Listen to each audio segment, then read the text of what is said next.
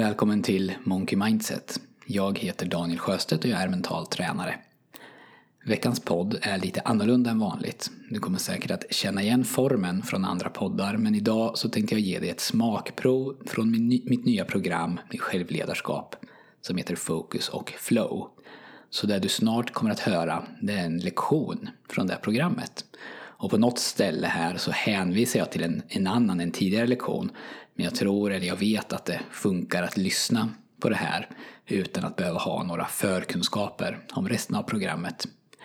Fokus och flow, det vänder sig framförallt till ledare, en viss typ av ledare som vill bygga mätbara och hållbara system för framgång, både på jobbet och i livet. Och vad man lägger i ordet framgång, det är förstås individuellt. Så om du vill veta mer så är du välkommen att mejla mig, daniel monkeymindset.se. Det här programmet är smyglanserat och jag kommer nog prata mer om det sen när jag lanserar det fullt ut. Här kommer då lektionen. Jag hoppas att du gillar den.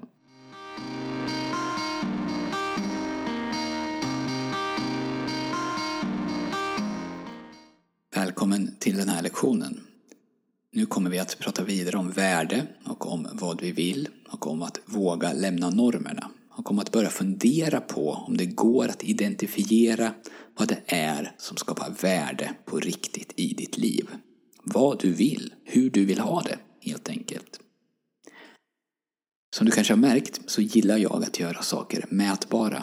Och ett av skälen till det är att jag tycker att det är tydligt att man inom områden där framsteg och prestation är mätbara så arbetar man oftast på ett annat sätt än vad man gör inom områden där framsteg och prestation inte är mätbara. Och att de som lyckas göra de här icke mätbara områdena till mätbara områden de skapar sig en stor fördel gentemot de som inte gör det. Och att den branschen sen då rör sig mer och mer i riktningen mot att bli mer mätbar. Och det här är ju ofta väldigt komplicerat eftersom jag, det inte räcker med att bara mäta utan vi behöver ju självklart också mäta rätt saker och vi behöver mäta dem på rätt sätt. Om vi mäter fel saker eller om vi mäter dem på fel sätt eller om vi inte gör någonting med det vi mäter då är ju mätningen meningslös och kontraproduktiv. Då kan den förstöra det vi vill åstadkomma. Då kostar den ju bara resurser utan att skapa ny några nya. Och ett bra sätt att tänka här är att du tänker på dig själv eller ditt företag eller dina, din avdelning eller ditt sinne om det handlar om det i form av ett elitidrottslag. Ett lag som hela tiden utsätts för konkurrens och där det enda som spelar någon roll är resultatet och i idrott är ju resultatet väldigt mätbart. Den personen eller den enheten, det laget, kommer naturligt att dra sig mot att göra de saker som skapar värde och göra sig av med de saker som inte skapar värde. Och det finns en väldigt tydlig fördel om man kan hitta nya, mer effektiva sätt att skapa samma värde som förut inom en viss del kanske av sin verksamhet. För då kan man lägga mer resurser på annat. Om vi ska ta ett fotbollslag till exempel så spelar ett elitlag i Europa mellan 50 och 60 matcher under säsong. Så under 60 matcher, de pågår under 90 minuter styck, så sammanlagt 90 timmars fotboll plus tillägg då, så skapas egentligen allt värde för den här fotbollsklubben. Utan de där 90 timmarna så försvinner hela klubbens värde väldigt snabbt. Och det gäller ju även om man skulle börja göra allt annat man gör idag, allt annat som sker, förutom de där 90 minuterna, dubbelt så effektivt eller dubbelt så bra. Om man ser till pengar så är Manchester City just nu en av världens största klubbar. Jag kommer använda dem som exempel. 2018 så hade Manchester City intäkter på 500 miljoner pund, drygt 5 miljarder kronor. Och det är förstås otroligt mycket som måste till för att de där 90 timmarna ska kunna spelas så bra som möjligt. Men framgång för en klubb som Manchester City, som har hundratals anställda, som alltså har intäkter på över 5 miljarder svenska kronor och utgifter ungefär samma storlek, storleksordning, de mäts då under 90 timmar. Allt hänger på på de 11 personerna som befinner sig på planen under de 90 timmarna. Och om man ska ta den här analysen ett steg till så kanske det inte ens är 60 matcher det hänger på, utan snarare ungefär 15. För om man vinner alla matcher, förutom de 15 som anses som viktigast, matcher mot andra topplag, semifinaler och finaler i de olika kupperna, då kommer säsongen att ses som ett misslyckande. Så i själva verket så bestäms en stor del av värdet för en sån här enorm organisation, 5 miljarder i intäkter, 5 miljarder i utgifter, av ungefär 15 matcher på 90 minuter styck. Det är under 25 timmars prestation. Det är lite mer än en halv arbetsvecka. Och om man tänker så, så förstår man hur viktigt det är att optimera för de här fåtal timmarna som avgör allt. Manchester City har tagit in en av världens bästa coacher. Han heter Pep Guardiola. Han anses väl som åtminstone topp två i världen som, av tränare. Och hans fotbollsfilosofi är väldigt exakt, väldigt komplicerad. Och han är en av dem som har utvecklat sporten mest de senaste 15-20 åren. Han har tagit fram ett sätt att spela som för bara ja, innan Pep då ansågs i stort sett omöjligt. Det är snabbare, det är vackrare, det är mer effektivt och det är mer kreativt. Och fotboll idag, eller elitidrott överhuvudtaget, mäter otroligt mycket. Hur långt springer varje spelare? Hur många maxlöpningar gör varje spelare? Hur många maxlöpningar gör spelaren på motståndarens planhalva? Hur många passningar slår han? Hur många passningar går framåt eller bakåt eller i sidled? Eller hur stor andel av passningarna leder till en målchans? Hur många tacklingar? Allt mäts. Och det går att se att för ett lag med en viss spelfilosofi så är vissa parametrar viktigare än andra. Och då försöker man att optimera för de parametrarna. Men man mäter ju förstås också vad som händer bredvid planen. Hur spelarna tränar, återhämtar sig och äter och så vidare. Allt för att resultatet i de här 15 avgörande matcherna ska bli så bra som möjligt. Det var inte jättelänge sedan fotboll var en idrott som i mycket högre utsträckning än nu förlitade sig på känsla. Man gjorde det man tyckte kändes rätt, som kändes logiskt. Och man fnyste lite åt de här tränarna som nördas, nördade ner sig i statistik eller analyserade varje spark. För fotboll, sa man, det var passion. Det finns ingen matematik som kan mäta passion. Och man såg ett motsatsförhållande mellan kreativitet och analytiskt tänkande. I början av 90-talet så kom det en norrman, Egil Olsen heter han, och han kallas för Drillo. Han hade en framtoning som var lite mjukare än de flesta andra fotbollstränare. Han tyckte om att gå klädd i gummistövlar. Drillo, han var annorlunda. Och han stämplades som något av en analytiker när det gällde hur hans syn på fotboll var. Och 1990 så blev Drillo förbundskapten för Norge. Drillo analyserade ett stort antal matcher och han upptäckte att de allra flesta mål som gjordes gjordes på ungefär samma sätt. Man tog kontroll över bollen, tog den från motståndaren och sen slog laget högst tre eller fyra passningar innan det blev mål. Det var det enda. Om han höll i bollen längre tid än så så hann motståndarlaget samla sitt försvar och då blev det mycket svårare att göra mål. Drillo, han trodde så hårt på värdet av sin analys att han åtminstone delvis skapade ett nytt sätt att spela fotboll. Eller han systematiserade i alla fall ett sätt att spela fotboll mer än någon hade gjort tidigare. Så när Norge fick bollen skulle de skapa en målchans på högst tre eller fyra passningar. Det var planen. Och det innebar oftast att när en norrman fick bollen så slog han en lång boll till forwarden. Forwarden var i regel lång och stark och passade eller nickade vidare till den andra forwarden och han försökte avsluta. Och om man inte kom till en snabb målchans så var det inte så stor idé att fortsätta. Då kunde man lika gärna ge bort bollen till motståndaren och sen börja försvara, försöka ta tillbaka den och sen komma till snabb målchans igen. Och nu förenklar jag, men jag förenklar faktiskt inte så värst mycket. Drillos fotboll fick väldigt mycket kritik. Den gick utanför normen.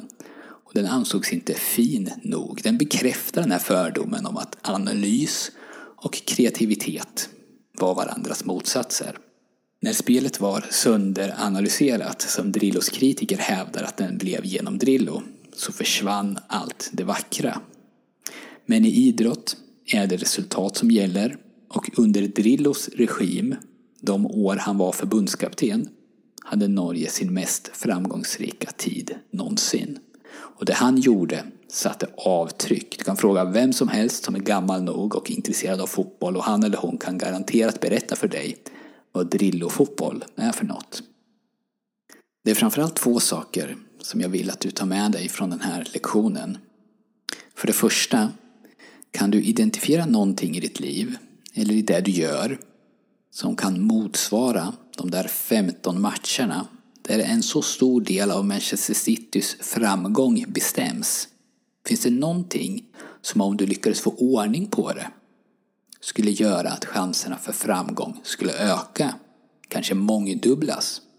Och det betyder inte att du kan strunta i allt annat, för om inte Manchester City vinner en stor andel av de övriga 45 matcherna så kan ju inte de sista 15 rädda säsongen utan grundjobbet behöver ju fortfarande göras. Men utan världsklassprestationer i de 15 viktigaste matcherna är det omöjligt för en elitklubb som Manchester City att nå sina mål och att uppfylla sin potential. För det andra, idag så har Manchester City, Liverpool, Barcelona och de andra världsklubbarna säkert fem, tio analytiker vardera anställda vars enda uppgift är att analysera och mäta och utvärdera. Det är nu i mångt och mycket en kapplöpning där det handlar om att hitta små, små fördelar gentemot sina konkurrenter. Små förbättringar i många olika områden som sammanlagt kan göra skillnad. Det krävs otroligt hårt jobb för att ens bara hänga med och inte halka efter. Och jag tror att de flesta skulle vara överens om att det här sättet att analysera och mäta har gjort fotbollen mycket mer kreativ än vad den var för 15-20 år sedan. Men där du och jag förstås och även många kunskapsföretag när det gäller hur vi jobbar, enligt min erfarenhet, befinner sig idag. Det är inte i den här miljön där allt mäts och utvärderas och där de skarpaste hjärnorna har de bästa verktygen och de bästa analysmodellerna. Utan vi, vi befinner oss i tiden före Drillo.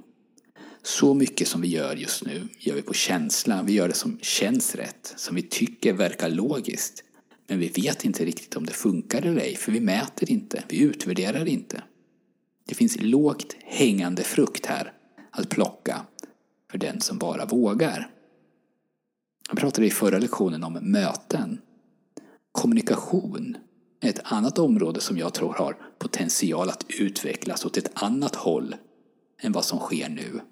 Kommunikation är ju någonting bra och någonting nödvändigt. Men betyder det att mer kommunikation är bättre än mindre kommunikation? Betyder det att ju mer kommunikation, ju mer nåbara vi är hela tiden, desto bättre? Ju fler mejl, ju fler chattprogram, ju färre stängda dörrar, desto mer värde skapas. Kanske är det så, kanske inte. Det känns ju rätt. Det verkar logiskt. Det är definitivt bekvämt att kunna nå någon och ställa en fråga när som helst. Och det är normen idag att vara tillgänglig. Men är det bättre? Är det någon som har mätt? Drillo, han sa till sina spelare att högst tre passningar fick de slå och sen måste bollen gå mot mål. Så här i efterhand känns det där så otroligt enkelt. Men om ingen sätter sig ner och analyserar, om ingen vågar tänka utanför det som är konventionell visdom, så kan det vara svårt att upptäcka det uppenbara. Drillo han brydde sig inte om att folk tittade på hans gummistövlar och undrade vad det där var för kuf. Han hade en egen tanke om hur fotboll skulle spelas och trots hån, trots skäll, så valde han att lämna normen och fokusera på det han hade analyserat fram skapade värde. Verkligt värde. Alltså resultat.